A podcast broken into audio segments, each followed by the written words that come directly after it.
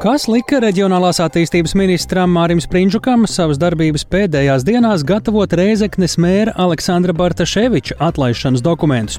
To skaidrosim programmā pēcpusdiena. Tas ir politiskais pasūtījums vienkārši tas, kas notiek ap Rēzeku. Milzu rezonanci sabiedrībā raisījušie dzimuma audzināšanas materiāli skolām vairs nav publiski pieejami. Pēc vētrainas sabiedrības reakcijas tie nodoti izvērtēšanai dažādām organizācijām. Eiropas centrālā banka jau desmito reizi kopš pērnā gada jūlija šodien palielinājusi procentu likmes. Kāpēc tas noticis arī šoreiz? Pār to visu plašāk raidījumā pēcpusdienā kopā ar mani Tāli Eipuru.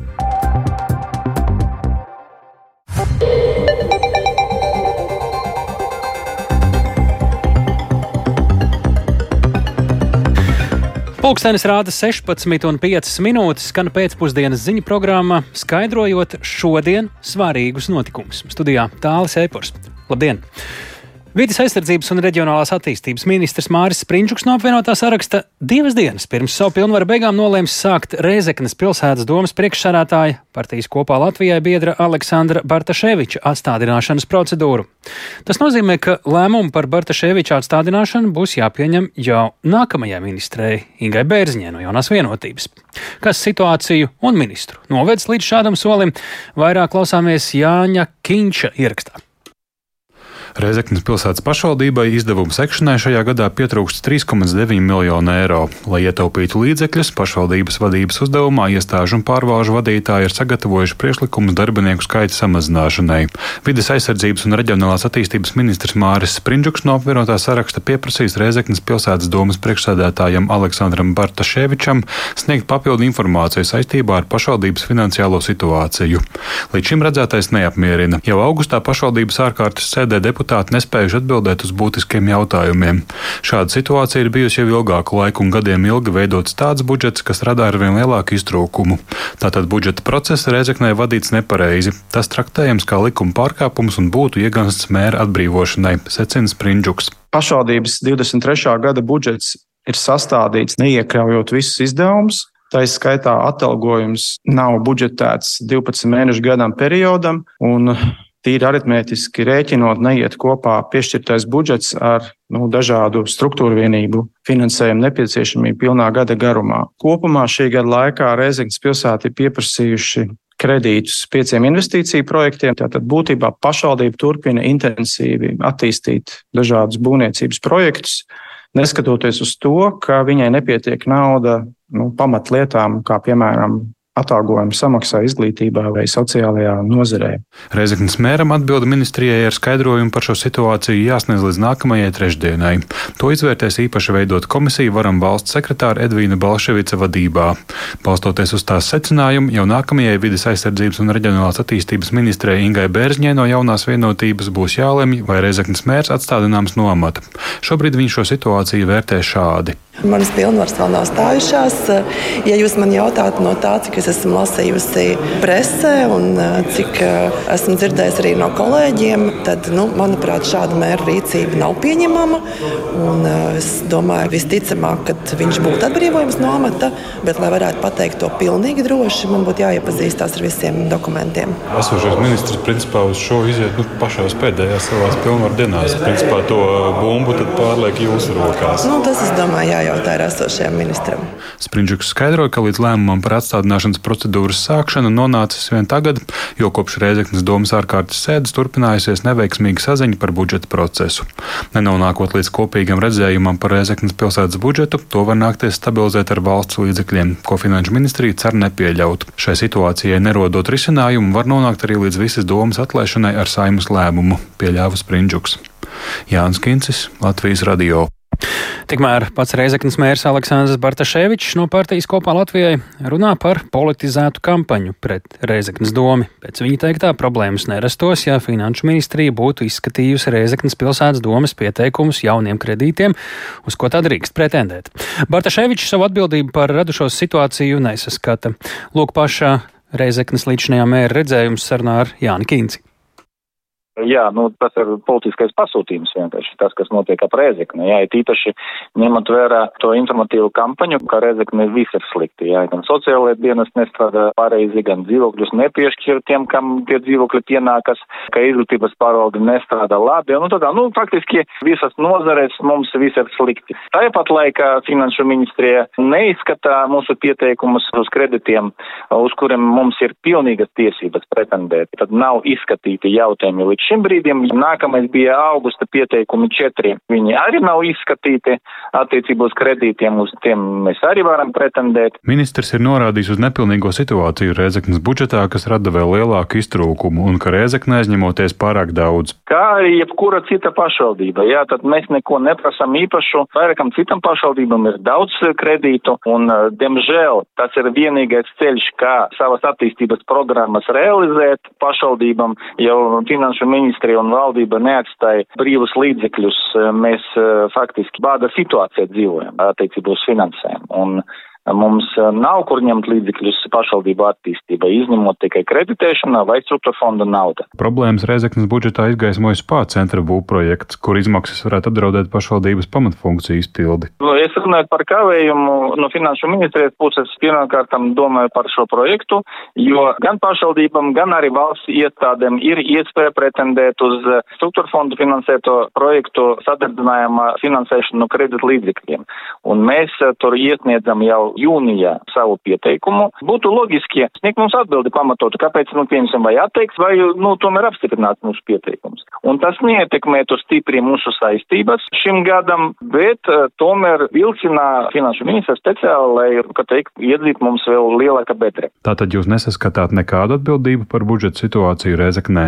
Neredzu pagaidām pierādījumu, ka jāiztais manai atbildībai par kaut ko. Argumentācijas nav tādas, kāda jābūt likuma ietvaros.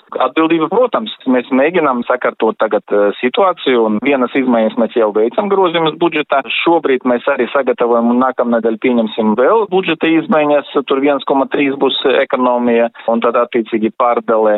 Es vēlreiz varu atkārtot, ka stabilizācijas process viņš ir nepieciešams. Tas ir spiesties lēmums, tāpēc, ka finanšu ministra nereaģē uz mūsu pieteikumiem. Nu, mēs nevaram cīnīties ar ministru, saprotiet, tas diezgan sarežģīti un nepratīgi. Tā Reizeknas mērs Aleksandrs Bartaševičs sarunā ar kolēģi Jāni Kīnci, bet Reizeknas ielās sastapto cilvēku viedoklis par ministra rīcību sākt pilsētas mēra atstādināšanas procedūru atšķiras.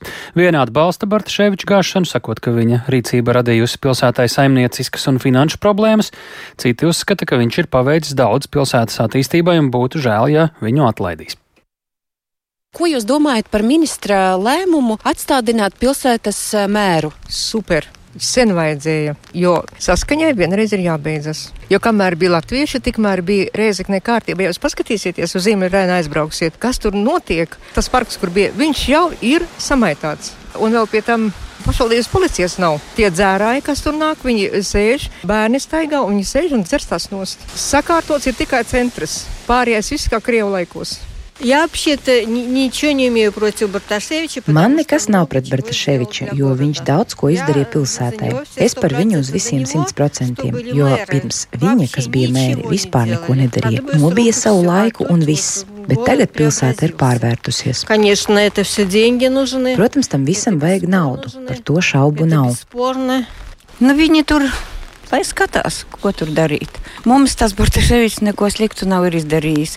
Viņš visu labi iekārtoja, prieks uh, skatīties. Nu, laikam, kas slikti. Labs zēns Bortaševičs. Es viņu cienu. Pazīstams no jauniem gadiem. Man daudz ko dara pilsētā, viss uzbūvēts, uztaisīts. Mīnusi katram ir savi kārtībai jābūt. Ja ir nekārtība, tad vajag kaut ko darīt. Tas var būt arī cits kāds risinājums, bet lai būtu kaut kāds rezultāts, lai tiktu ārā no šī haosa, ja teiksim. Domāju, ka ir arī pozitīvas lietas, ko viņš ir darījis pilsētā. Ir uzceltas ēkas, nu, bet ir arī redz, ļoti negatīvas lietas izdarītas un caurumi. Un tagad mēs cietīsim no tā. Tā Reizeknē sastapti iedzīvotāji par pilsētas mēra atstādināšanas procedūras sākšanu. Bet situācija ar aizņēmumiem un to finansēšanu ne tikai pašvaldībās, bet visā ekonomikā Latvijā pavisam noteikti ietekmē ar vien pieaugošās procentu likmes. Eiropas centrālā banka šodien jau desmito reizi kopš pērnā gada jūlija palielinājusi procentu likmes, šoreiz par 0,25% sasniedzot 4,5%. Pirms šodienas lēmuma analītiķi centrālās bankas lēmumu uzskatīja par līdz šim visneparedzamāko, jo bija spēcīgi argumenti gan lai paaugstinātu likmes, gan lai pirmo reizi kopš pagājušā gada vasaras varbūt arī ieturētu pauzi. Seibankas finanšu tirgus pārvaldes vadītājs Andris Lāriņš pie redzījuma pēcpusdienu klausulas. Labdien! Labdien! Īsumā, kādi bija argumenti, lai paaugstinātu likmes, un kādi, lai varbūt šoreiz pēc ilgāka laika to tomēr nedarītu? Jo te droši vien jāskatās uz eh, ekonomiskiem procesiem ne jau Latvijā, bet visā Eiropā kopumā, lielajās ekonomikās, kur palēninājums, starp citu, izskatās, ka ir lielāks nekā iepriekš prognozēts, savukārt inflācija joprojām samērā liela. Jā, galvenais uh, rādītājs, uz ko Eiropas centrālā banka skatās, ir inflācija un tās komponentes, kas uh, veido inflāciju un arī gaidas attiecībā uz inflāciju. Līdz ar to, ņemot vērā to, ka pēdējā laikā atkal novērojams izēvielu cenu pakāpšanās un kopumā Eirozonā arī vērojams algu kāpums, centrāla banka uzskata, ka inflācija joprojām ir pārāk augsta un pārāk ilgi turās augstos līmeņos. Tieši tādēļ arī šodien nolēma paaugstināt uh, procentu likmes. Kas tad uh, varētu būt varbūt dziļāk nedaudz, kas uh, lika izšķirties uh, Eiropas centrālajai bankai, nevis varbūt par iepauzēšanu, kas arī bija viena no versijām, šoreiz tāda skaļāka jau varbūt nekā iepriekš? Es domāju, ka šeit ir arī tāda nu, sarežģīta spēle, jo līdz ko centrālā banka dotu mājienu, ka viņi ir izdarījusi pietiekoši, tirgus varētu atviegloti uzelpot un uh, varbūt uzvesties uh, brīvāk uh, šajā ekonomikas vidē. Bet, uh, Es domāju, ka centrālajai bankai tas uh, signāls, kas bija jādod, tomēr, ka viņi ir apņēmusies pamatā cīnīties ar inflāciju, lai gan mēs novērojam, ka ekonomikas izaugsme bremzējās un šur tur arī sagaidām recesiju. Tad, uh, centrālās bankas pamatu uzdevums ir inflācijas uh, pazemināšana. Bet uh, šajos lēmumos, protams, ir arī gaismas stariņš, jo centrālā banka pateica, ka pamatojoties uz pašreizējo vērtējumu, nu, tagad uh, viņi uzskata, ka procentu likmes ir sasnieguši līmeni, kuru uzturot uh, varētu arī veicināt šo inflācijas pazemināšanos. Bet vienlaicīgi ar šo gaisa stariņu, protams, Centrālā banka teica, ka lēmums pieņems balstoties uz datiem, un ja manīs, ka inflācija turpina tomēr atkal nu, neiet uz leju uz 2% līmeni, tad viņi varētu arī procentu likmes vēl paaugstināt. Ko tas šobrīd nozīmē Latvijas ekonomikai, iedzīvotājiem, uzņēmumiem, ņemot vērā tieši mūsu situāciju, kur mēs zinām, ir atšķirīga kaut vai ar tiem pašiem kredītiem, fiksētajām mainīgajām likmēm, nu, protams, plašāk nedaudz dažos teikumos? Ņemot vērā, ka populāra, nu, populāra atsauces likme naudas tirgu un kreditēšanas tirgu ir Eiribor procentu likmes, tad šis Eiropas centrālās bankas lēmums tuvākajā laikā varētu vēl nedaudz paaugstināt īstermiņa likmes, un es domāju, vairāk trīs mēnešu, varbūt sešu mēnešu Eiribor procentu likmes. Bet uh, daļa no šī te, nu, kā jūs minējāt, tirgus nebija viennozīmīgi uh, pārliecināts cels vai necels likuma daļa, tomēr no tāda likuma potenciālā cēluma jau bija ielikt cenās šobrīd. Ja mēs skatāmies šodien, šodien kā fiksējās Eiribor procentu likme, tad 6 mēnešu likme pirmo reizi kopš 2001. gada šodien pakāpās līdz 4% atzīmes, 4,04%, bet viena gada Eiribor likme jau kādu laiciņu drusciņu dzīvo virs 4% atzīmes, kas nozīmē to, ka vēl būtisks procentu likuma kāpums tuvākajos, tuvākajās nedēļās nav gaidāms. Un vēl ar, ņemot kopā to mājienu, ka likums ir ļoti augsts, nu, ļoti augsts pacelts un varētu būt pietiekošs līmenis, lai ilgtermiņā bremzētu šo inflāciju. Iespējams, ka arī šie līmeņi kādu, kādu laiku tirgu saglabāsies. Sakām lielu paldies par komentāru Seibankas finanšu tirgus pārvaldes vadītājam Andrim Lāriņam. Bet nu par citām nefinanciālām vērtībām.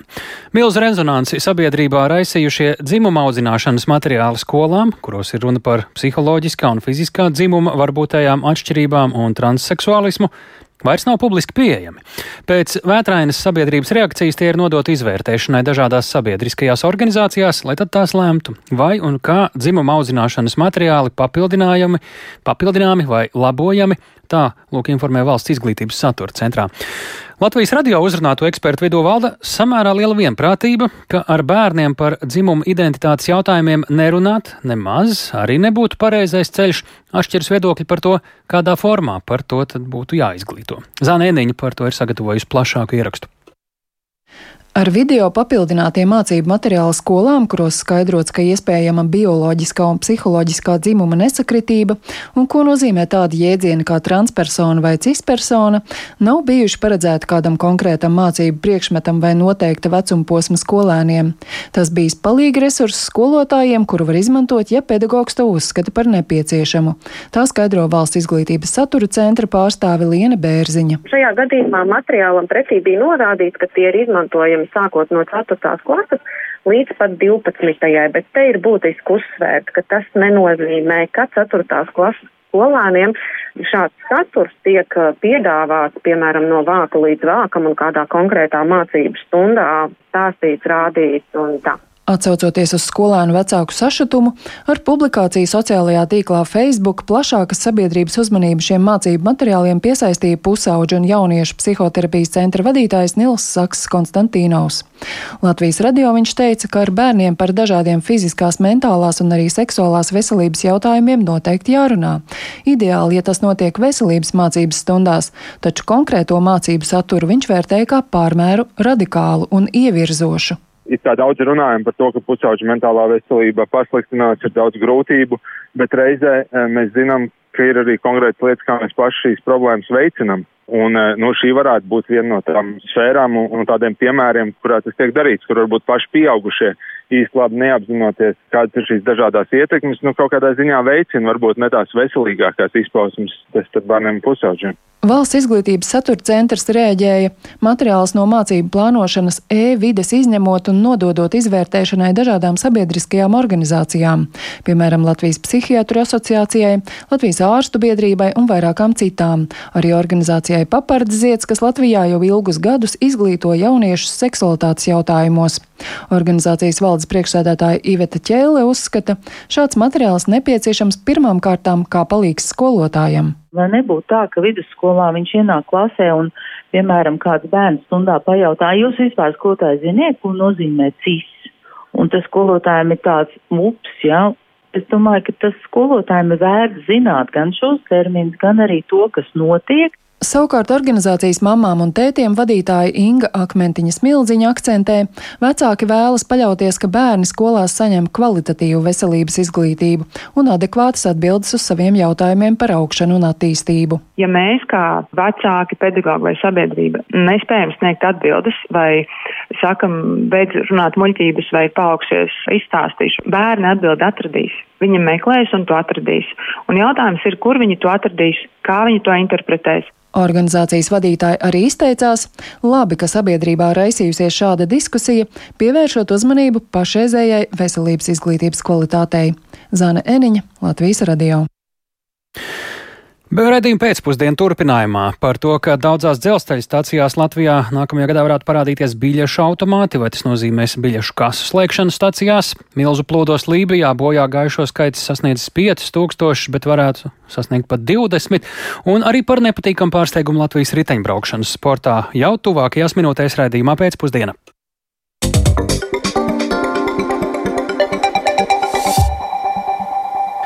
Ukrainā šonakt ir notikuši jauni Krievijas dronu uzbrukumi pa Dnipropetrovskas un Zaporīžas apgabaliem. Tāpat šorīt ir pienākušas ziņas par sprādzieniem Krievijas okupētajā Krimā. Šoreiz tie ir atskanējuši Eipatorijas pilsētā, tās apkaimē ir izvietotas vairākas Krievijas kara bāzes un netālu no pilsētas atrodas arī militārais lidlauks, kur pirms mēneša notikušā uzbrukumā tika iznīcinātas vairākas lidmašīnas. Kolēģi Artis Koja iztaujāja zemesardžu štābu pārstāvi pulkveža leitnanti Anitu Pīze Izraeli par uzbrukumiem Krimai un situāciju frontē.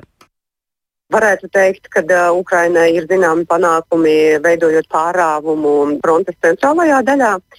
Ir uh, neliela kustība frontes uh, ziemeļaustrumu daļā. Mazāk kustīga frontes līnija no, ir Ukrainas ziemeļos. Tur okupanti koncentrē savus spēkus, iespējams, lai veiktu kādu pretuzbrukumu. Eksperti minēja, ka 26. septembrī mēs skatāmies, kā situācija attīstīsies. Frontes dienvidos, ja Helsonas apgabalā vairāk ir novērotas diversantu darbības, ir pēdējā laikā novērotas aktīvas Ukrainas pēcvienība darbības Krimas apkārtnē, Melnajā jūrā. Eh, pakāpeniski nonākot līdz divu kuģu zaudējumam Krievu mm, Melnās jūras kara flotē. tāds veiksmīgs uh, pasākums. Tā kā ir, uh, var teikt, pozitīvi vērtējums. Kaut gan jāsaka, ka pēdējās divās dienās varētu teikt, ka ir tāds nedaudz atelpa frontē un Ukrainas bruņoto spēku puses. Jā, bet nu, runājot par Krimu, kāda ir taktiskā nozīme tiem pēdējā laika uzbrukumiem, dronu uzbrukumiem vai, vai citādi sasniegtiem militāriem mērķiem, par kuriem video un fotografijās redzam, cik iedarbīga ir šāda Ukraiņu taktika? Nu, piemēram, vakar ļoti stipri bojāta zemūdene, kas faktiski veica šo raķešu uzlidojumus jūrā. Šo zemūdeni Ukrainas karaspēks nevarēja iznīcināt. To varēja iznīcināt vai nu tad, kad viņi ir virsūdens, vai tad, kad viņi ir sausajos dokos. Tā ir ļoti labi izplānota operācija. Zemūdeni ir bojāta tik tālu, ka pagaidām vismaz noteikti nevarēs piedalīties uzbrukumos, kas attiecas uz desanta kuģi, kas ir bojāts neatgriezeniski, un šāds kuģis varēja pārvietot ļoti lielas militārās vienības, un varētu šādas klases kuģi varētu darboties brīdī, kad Ukraina būtu nogriezusi Krievijas karaspēka piekļuvi gan pa sauszemi no diviem ceļiem ziemeļos, gan pa ķerčas tiltu. Tad šādi kuģi varētu darboties un palīdzēt pārvietot šo karaspēku un militāro tehniku. Un tieši visvairāk šādu iznīcinātu kuģu ir Krimas Melnās jūras flotē Krieviem. Tāpēc ļoti labi, ka šādi kuģi tiek iznīcināti un uzbrukumi notiek. Mēs zinām, tika pārņemti četri torņi, uz kuriem atradās radiolokācijas iekārtas. Krievijas radiolokācijas iekārtas, ka šīs iekārtas tagad tur vairs nedarbojas. Okupantiem nav iespēja precīzi novērot notiekošo Melnās jūras akvatorijā no Ukrainas teritorijas sauszemes līdz pussalai. Līdz ar to ir vieglāk veikt uzbrukumus, un mēs jau redzam, ka šonakt atkal tika veikts uzbrukums Jevpatorijai un iespējams, ka tika iznīcināts pretējas novērošanas radars. Atskan arī ziņas, ka nu, Krievijā iespējams gatavojas jaunai, lielai mobilizācijai. Cik reāli tas varētu būt? Jo no otras puses izskan, ka pat Krievijas valdošajās aprindās ir bāžas, ka tas varētu iedzīvotājs nokaitināt. Jā, nu, mēs zinām, ka Krievijai nākošā gada ir prezidenta vēlēšanas. Ir viedoklis, ka masīva mobilizācija varētu nokaitināt Krievijas iedzīvotājus, jo principā tādu lielu panākumu, par ko palielīties Ukraiņas frontē nav. No otras puses, liels iesaukums ir ļoti liels ekonomisks sloks. Krievi zaudē ļoti daudz savu karaspēku, trīsreiz vairāk nekā Ukraiņa šajā karā. Un šāda liela cipara mobilizācija pirmkārt tie karavīri ir jāapģērba, jāekipē un jāapmāca. Bet mēs jau tagad zinām, ka 25. armija, kas tagad tiek ievilkta Ukrainas ziemeļu frontes daļā, ir signāli, ka šī armija nav pietiekoši ekipēta un ir šaubas par šīs armijas kaujas spējām. Tikmēr par citu pavisam jaunu krīzi, šoreiz dabas stihijas radītu milzu plodos Lībijā. Bojā gājušo skaits eh, sasniedzis vismaz 5000 cilvēku, bet tiek lēsts, ka upuru skaits varētu beigās sasniegt pat 20 tūkstošus, jo vairāki tūkstoši cilvēku ir pazuduši bez vēsts. Glābšanas darbi joprojām turpinās. Apvienoto nāciju organizācija šodien paziņoja, ka lielāko daļu no tūkstošiem nāvis gadījumu būtu bijis iespējams novērst, ja agrās brīdināšanas un ārkārtas situāciju vadības sistēmas būtu darbojušās pareizi. Plašāk stāsta Rihards Plūme. Milzīgie tsunami pielīdzināmie plūdi Lībijas austrumu daļu skāra pēc tam, kad reģionā plosījās vētra Danielas. Tā pagājušajā nedēļā traucās pāri vidusjūras reģionam. Vissmagāk plūdi valstī skāruši piekrastes pilsētu Dērnu. Situāciju tur sevišķi smagu padarīja tas, ka vētras izraisīto lietuvu dēļ sabruka aizsprosti pie pilsētas. 24 stundu laikā nolijušā lietus daudzums 260 reizes pārsniedza vidējo mēneša normu. Pēc tam Dernai pāri gāzušies septiņus metrus augsti viļņi, kas iznīcinājuši visu savā ceļā, ieskalojot vidusjūrā veselus kvartālus. Turpina kāds no vietējiem iedzīvotājiem. Mēs jau kopš pagājušās nedēļas, ne jau gadiem brīdinājām varas iestādes, ka dambim ir plaisas un tas ir jāsavērt kārtībā. Mēs to teicām, un neviens mūs neklausīja un tagad visa dērna ir aplūdusi. Postījumu un upuru skaits pilsētā ir milzīgs, ielām esot klātām ar dubļiem un dažādām aizskalotām atlūzām. Arī cilvēku mirstīgās atliekas apsaktas ar sagām gulst ielās. Pēc vietējo iedzīvotāju un palīdzības organizāciju pārstāvju sacītā to ir ļoti daudz. Jūra joprojām izskalo desmitiem plūdu upuru, ko iepriekš aiznesa spēcīgā straume. Bojāgājušo skaits pārsniedz 5000, bet vairāki tūkstoši joprojām ir pazuduši bez vēsts, tādēļ pastāv bažas, ka upuru skaits var sasniegt pat 20 tūkstošus. Daudzi bojāgājušie tiek aprakti masu kapos.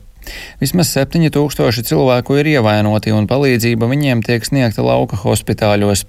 Bez pajumtes palikuši aptuveni 30 tūkstoši cilvēku. ANO brīdinājusi par potenciālo slimību izplatību piesārņotā ūdens un daudzo līķu dēļ.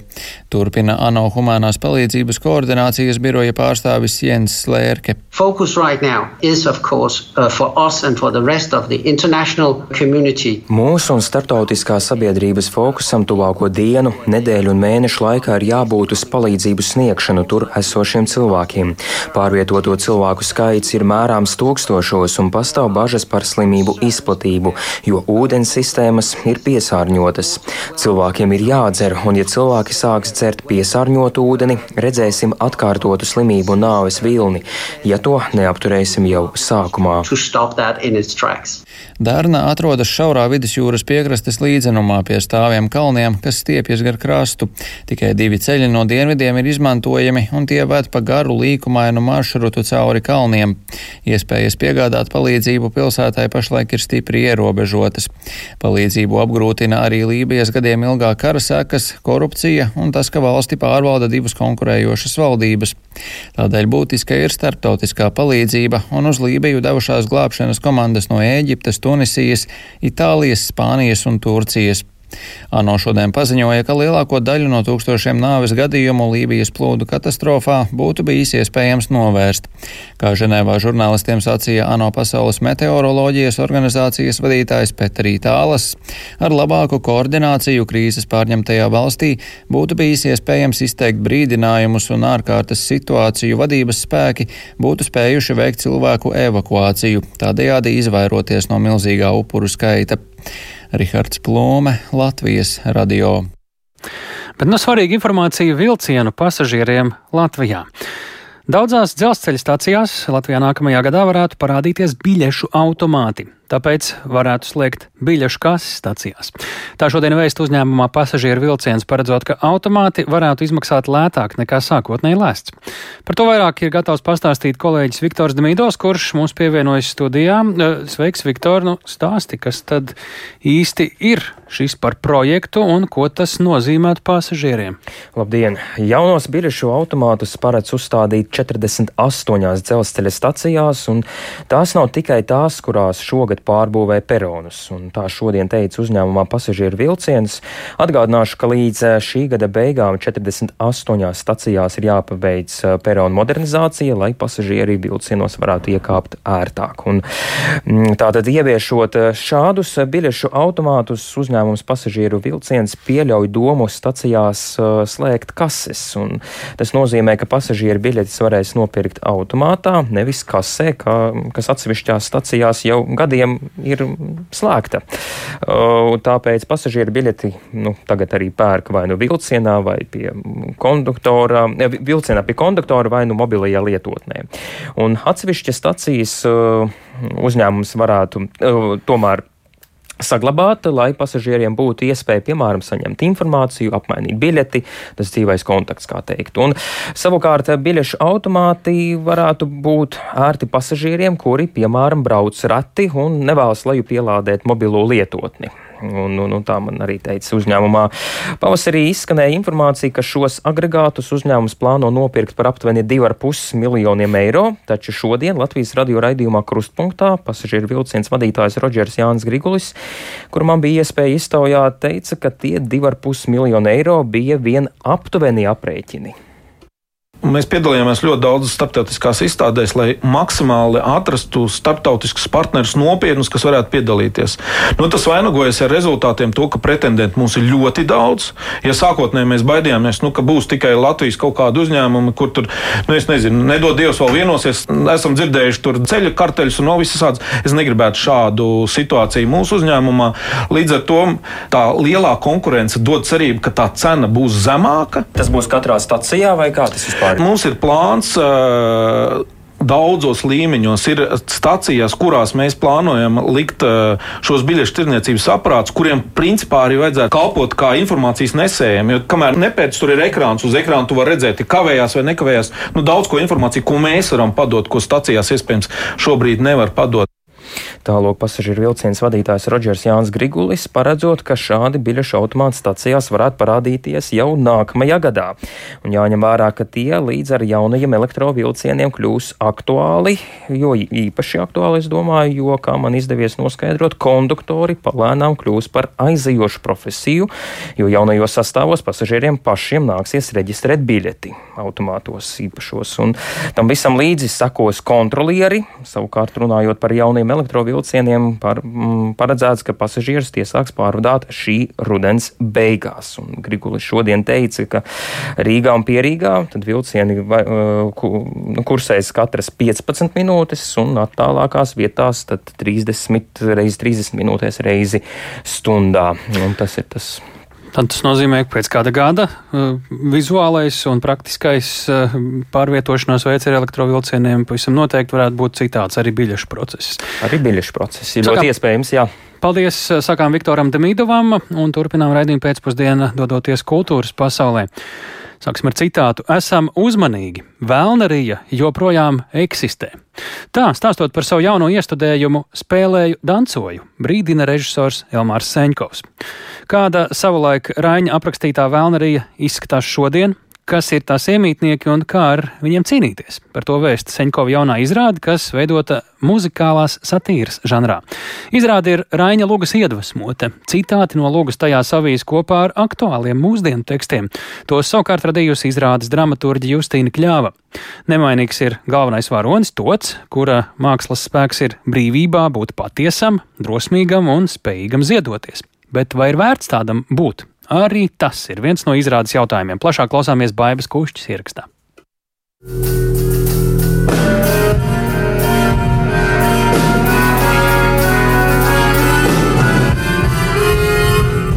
Izrādē dzīvajā izpildījumā skan mūzika, ko speciāli iestudējumam komponējis Edgars Mākens. Galvenā varoņa tota mūzikas instruments šajā versijā ir nevis kokla, bet elektriskā ģitāra. Izrādē darbojas arī citi Rāņa Lugas varoņi, kas sākotnēji izvērš pavisam mūsdienīgu diskusiju par šobrīd aktuāliem tematiem, tādiem kā sieviešu tiesībām, paauģu konfliktiem, bet visvairāk jau par to, kas īsti ir mākslinieks mūsdienu sabiedrībā sabiedrībā. Palēnām izrādē aizvien vairāk ieplūst Raņa, Lugas teksti un Vēlna Rijas ainā tie jau izvirzās izrādes priekšplānā. Režisors Elmārs Senkovs atklāja, ka izrāde nav stingri ieturēta kādā noteiktā stilistikā, tā drīzāk lavierē starp dažādiem stiliem. Es negribu pieļaut, ka treigāvi joprojām ir šajā mūsu sabiedrībā vai kangari, kas neatkāpjas un izmanto šo naudas vāru. Un šīs dusmas jau nav kur likt man kā māksliniekam arī. Un Un šīs dusmas es cenšos akumulēt tādā ļoti pacifiskā veidā, kā teātris māksla. Es ļoti ceru, ka šī izrāde būs joprojām manifests mākslinieka brīvībai. Strādāt ar Raini Lugām tas vienmēr nozīmējot arī kaut kā mistiska un maģiska klātbūtni, un tā tas bijis arī šoreiz. Un jo tuvāk nācis pirmizrādes datums, jo šis darbs šķitis arvien tiešāks trāpījums laikā, kā tas bieži notiek ar klasikas darbiem. Režisors jau tagad pieļauj, ka būs daļa skatītāju klausītāji, kas teiks, bet tas taču nav Rainis. Taču Elmārs Senkovs ir ļoti ieinteresēts dažādos viedokļos par izrādi un būtu visvairāk priecīgs, ja tā raisītu plašas diskusijas. Baiba Kušče, Latvijas radio. Tātad Helmāram Seņkovam jauniestudējums spēlēja dancoju. Bet nepatīkams pārsteigums Latvijas riteņbraukšanas pasaulē šonedēļ. Gaidāmajā Rīgas velomaratonā dalībnieki uzzinājuši, ka nevarēs sacensties sporta distancē, jo pārāk augsto izmaksu dēļ rīkotāji nevar atļauties nodrošināt obligāto policijas klātbūtni trasē. Valsts policijas klātbūtne šogad sadārdzinājusies par trešdaļu, jeb aptuveni 7000, pieaugot līdz 21,5 tūkstoti. Gan te neko nevar ietekmēt, jo šovasar šādu jaunu cenu rādi ir noteikusi valdība. Lai skaidrotu situāciju, mums tiešraidē pievienojas kolēģis Mārtiņš Kļavinieks. Sveiks, Mārtiņ! Sveiks, tālu un sveicināt arī Latvijas radio klausītāji. Nu, cik liels pārsteigums šis ir? Jo, cik atceros, šīs velobrauciens Rīgas velomaratons ir bijusi tāda svarīga ikgadēja un ilgadēja Latvijas riteņbraukšanas sporta kalendāra tradīcija. Tā ir un ne tikai eh, sportistiem, eh, profesionāļiem, bet arī amatieriem, bērniem, jauniešiem, eh, dažādu grupu pārstāvjiem, ikdienas velobraucējiem. Bet nu, tas, starp citu, šis te nelāgais pārsteigums jāskata kontekstā ar neseno vienības velobraucienu, kas arī notika Rīgā, tur rīkotāji jau zināja, ka būs sadārdzinājums policijas ekipāžu esamībai un tādai drošības kārtības nodrošināšanai trasē, bet to viņu budžets vēl varēja izturēt savukārt šis konkrētais sadārdzinājums, kas Rīgas velomaratonā saistīts ar valsts policijas klātbūtni, nu, diemžēl budžetam nav bijis pa spēkam, un nu, tur gan rīkotāji teica, ka ja maķinīt agrāk būtu uzzinājuši par to, ka konkrēti šāda ir tā summa, tad, tad varbūt arī viss tiktu atrisināts, bet, nu, diemžēl tikai aizvakar tika saņemts rēķins, kurā tad arī bija šis tevis minētais skaitlis 21,5 tūkstots eiro, bet vairāk tuliņ jau pastāstīs Rīgas velomaratonā velomaratona rīkotājs Igo Japiņš. Mums jau notika vienības brauciens, kurā apmēram mēs zinājām, cik būs sadārdzinājums, un to rēķinājies. Bet es biju uzrakstījis Kučinskim vēstuli. Viņš teica, ka viņš noskaidrošot, kas tur paliek. Un, nu, kā parasti saņēma savus vēstuli no paskaidrojuma, ka palielināt tarifu un viss sadārdzinājums bija uz abiem šiem lieliem pasākumiem - 10 tūkstoši. Ja tas ir notiek kaut kādā pieņemamā laikā, rudenī vai kad, kad tu zini, tu esi palaidis jau pieteikšanos. Tu taču nevari, un principā arī vispār ir slikti cilvēkiem palielināt uh, tādos sporta pasākumos, kur masas iesaistīts, kur mēs organizējam, lai viņi kustētos un tam līdzīgi cenas. Ja mēs zinātu, ka tā ir iepriekš, tad kaut ko varētu tur varbūt eiro pielikt klāt un tad izlīdzēties. Jā, un tālāk Igo Japiņš, Rīgas velomaratona rīkotājs. Nu, diemžēl tas ir tas abortais lokus. Jāpieliek pie dalības maksas kāds eiro, līdz ar to mazāk cilvēku noteikti var atļauties piedalīties šajā pasākumā. Nu, tāda varētu būt arī, varbūt, ka Rīgas velomaratona nākotne tāli. Mm, bet ne pati tuvākā, jo tas jau šonadēļ. Bet tad vēlreiz precizējam, šis ir stāsts, lai cilvēki vienkārši tie, kuriem nav jāuztraucas, ir neuztraucas par uh, visu ve velomaratonu kopumā un visiem dalībniekiem, vai arī eh, nu, tā saucamā tautas klase mierīgi tāpat varēs braukt. Un šis ir stāsts tikai par to sporta distanci, kur tie eh, nu, sporta riteņbraucēji brauc lielajos ātrumos. Jā, tieši tā precīzi. Tikai par eh, sportistiem. Sportisti, eh, profesionāļi un amatieri parasti brauc kopā, tie, kur grib izbraukt arī šo sporta distanci, bet tautas, bērnu un ģimeņu braucieni joprojām notiks. Tas viss svētdien, 11. novembra krastmalā. Tur tas būs vienkārši, nu, ja mēs tā pavisam vienkāršos vārdos skaidrojam, tad šī sporta distance ir visgarākā un tur arī policijas klātbūtne visplašākajā tajā mērogā ir jānodrošina. Tāpēc tas ir arī visdārgākais šis te valsts policijas eh, piedāvātais pakalpojums. Nu, un Igo Japiņš viņš stāstīja, nu, divas stundas šis sporta brauciens izdalot uz divi, tātad apmēram 11,000 stundā. Tādi izcenojumi. Mēs mēģināsim saprast to arī no tevis, vai viedokli, vai varbūt faktus, kāpēc tā nav tikai nu, tāda. Šoreiz mm, nenotiks sporta brauciens, nākamgad gan jau, ka tad varēs saplānot kaut ko, vai šī var izvērsties arī par kaut kādu plašāku problēmu, jo es pieļauju dažādu veidu masu pasākumu, kur vajadzīga policijas palīdzība, kas kaut ko maksā, notiek ne jau tikai vienreiz gadā Rīgas velomaratonā. Tieši tā, jebkurš publisks eh, pasākums, arī sporta pasākums, kas notiek nu, uz koplietošanas ceļiem, eh, ielās vai jebkurā pilsētā, tādā pilsētvidē, tur ir vajadzīga valsts policijas klātbūtne, lai nodrošinātu eh, kārtību, drošību. Līdz ar to nu, katram šādu pasākumu rīkotājiem tagad būs jāsaskars ar šiem valsts policijas paaugstinātajiem tarifiem un lieliem rēķiniem. Un jautāja Latvijas riteņbraukšanas federācijas ģenerālsekretāram Tomam Marksam, kā viņa prāt tas atsauksies gan uz citiem riteņbraukšanas pasākumiem, pasākumiem, gan arī uz citiem sporta veidiem?